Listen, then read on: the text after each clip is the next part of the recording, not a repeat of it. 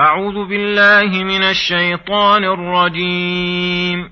وأوحينا إلى موسى وأخيه أن تبوأ لقومكما بمصر بيوتا واجعلوا بيوتكم قبلة واجعلوا بيوتكم قبلة وأقيموا الصلاة. وبشر المؤمنين.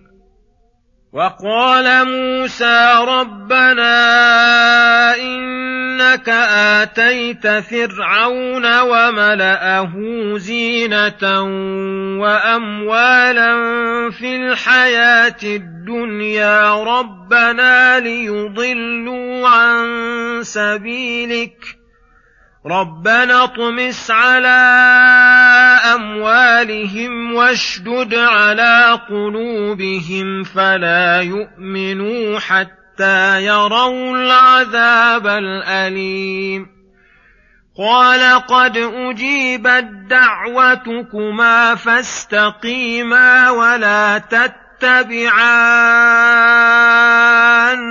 سبيل الذين لا يعلمون. وجاوزنا ببني إسرائيل البحر فأتبعهم فرعون وجنوده بغيا وعدوا. حتى إذا أدركه الغرق قال آمنت أنه لا إله إلا الذي آمنت به بنو إسرائيل. قال آمنت أنه لا إله إلا الذي آمنت به بنو إسرائيل وأنا من المسلمين. الآن وقد عصيت قبل وكنت من المفسدين. فاليوم ننجيك ببدنك لتكون لمن خلفك آية. وان كثيرا من الناس عن اياتنا لغافلون ولقد بوانا بني اسرائيل مبوا صدق ورزقناهم من الطيبات ورزقناهم من الطيبات فما اختلفوا حتى جاءهم العلم.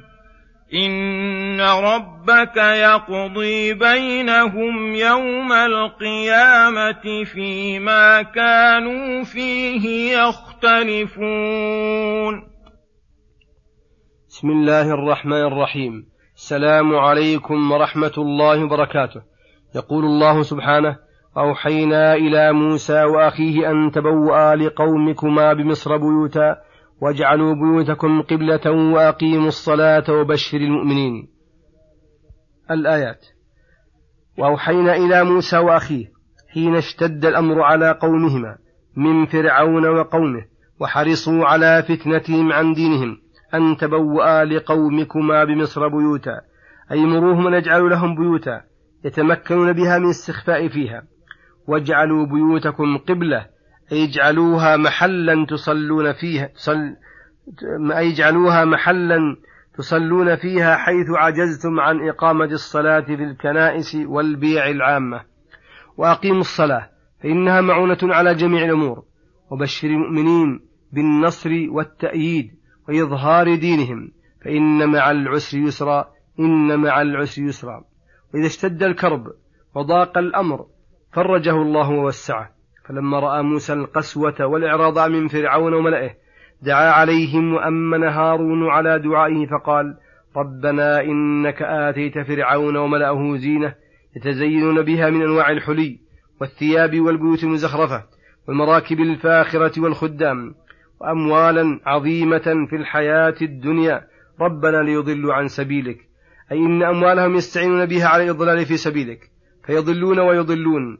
ربنا أطمس على أموالهم أي أتلفها عليهم.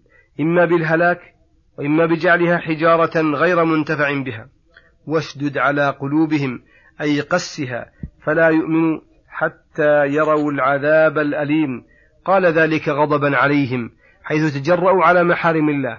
وأفسدوا عباد الله وصدوا عن سبيله ولكمال معرفته بربه لأن الله سيعاقبهم على ما فعلوا بإغلاق باب الإيمان عليهم. قال الله تعالى قد أجيبت دعوتكما. هذا دليل على أن موسى كان يدعو وهارون يؤمن على دعائه وأن الذي يؤمن يكون شريكا للداعي في ذلك الدعاء. فاستقيم على دينكما واستمر على دعوتكما. ولا تتبعان سبيل الذين لا يعلمون. أي لا تتبعان سبيل الجهال الضلال المنحرفين عن صراط المستقيم المتبعين طرق الجحيم. فأمر الله موسى أن يسري ببني إسرائيل ليلا وأخبره أنهم سيتبعونه وأرسل فرعون في المدائن حاشرين. يقولون إن هؤلاء أي موسى وقومه لشرذمة قليلون وإنهم لنا لغائظون وإنا لجميع حاذرون. فجمع جنوده قاصيهم ودانيهم فأتبعهم بجنوده بغيا وعدوا أن يخرجهم بغين على موسى وقومه ومعتدين في الأرض. إذا اشتد البغي واستحكم الذنب فانتظر العقوبة وجاوزنا ببني إسرائيل البحر. وذلك أن الله أوحى إلى موسى لما وصل البحر أن يضربه بعصاه فضربه فانفلق اثني عشر طريقا وسلكه بنو إسرائيل. وساق فرعون وجنوده خلفه داخلين. وساق فرعون وجنوده خلفه داخلين. فلما استكمل موسى وقومه خارجين من البحر وفرعون وجنوده داخلين فيه أمر الله البحر فالتطم على فرعون وجنوده فأغرقهم وبنو إسرائيل ينظرون. حتى إذا أدرك فرعون الغرق وجزم بهلاكه قال آمنت أنه لا إله إلا الذي آمنت به بنو إسرائيل. وهو الله الإله الحق الذي لا إله إلا هو وأنا من المسلمين أي المنقادين دين الله. ولما جاء به موسى. قال الله تعالى مبينا أن هذا الإيمان في هذه الحالة غير نافع له. الآن تؤمن وتقر برسول الله. وقد عصيت قبل أي بارزت بالمعاصي والكفر والتكذيب وكنت من المفسدين فلا ينفعك الإيمان. كما جرت عادة الله أن الكفار إذا وصلوا إلى هذه الحالة اضطرارية أنه لا ينفعهم إيمانهم. لأن إيمانهم صار إيمانا مشاهدا كإيمان من ورد القيامة والذي ينفع إنما هو الإيمان بالغيب. فاليوم ننجيك ببدنك لتكون لمن خلفك آية. قال المفسرون إن بني إسرائيل لما في قلوبهم من الرعب العظيم من فرعون كأنهم لم يصدقوا بإغراقه وشكوا في ذلك. فأمر الله البحر أن يلقيه أن يلقيه على نجوة مرتفعة ببدنه ليكون لهم ليكون لهم عبرة وآية. وإن كثيرا من الناس عن آياتنا لغافلون. فإذا تمر عليهم وتتكرر فلا ينتفعون بها لعدم إقبالهم عليها. وأما من له عقل وقلب حاضر فإنه يرى من آيات الله فإنه يرى من آيات الله ما هو أكبر.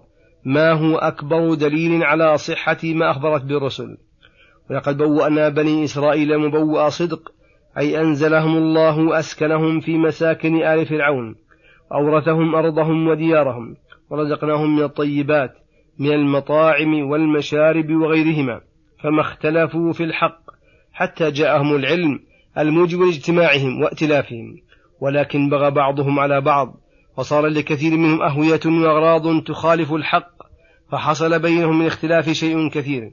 إن ربك يقضي بينهم يوم القيامة فيما كانوا فيه يختلفون بحكمه العدل الناشئ عن علمه التام وقدرته الشاملة وهذا هو الداء الذي يعرض لأهل الدين الصحيح وهو أن الشيطان إذا أعجزه أن يطيعه في ترك الدين بالكلية سعى في التحريش بينهم وإلقاء العداوة والبغضاء فحصل من اختلاف ما هو موجب ذلك ثم حصل من تضليل بعضهم لبعض وعداوة بعضهم لبعض ما هو قرة عين اللعين وإلا, وإلا فإذا كان ربهم واحد ورسولهم واحد ودينهم واحد ومصالحهم العامة متفقة فلأي شيء يختلفون اختلافا يفرق شملهم ويشتت أمرهم ويحل رابطتهم ونظامهم.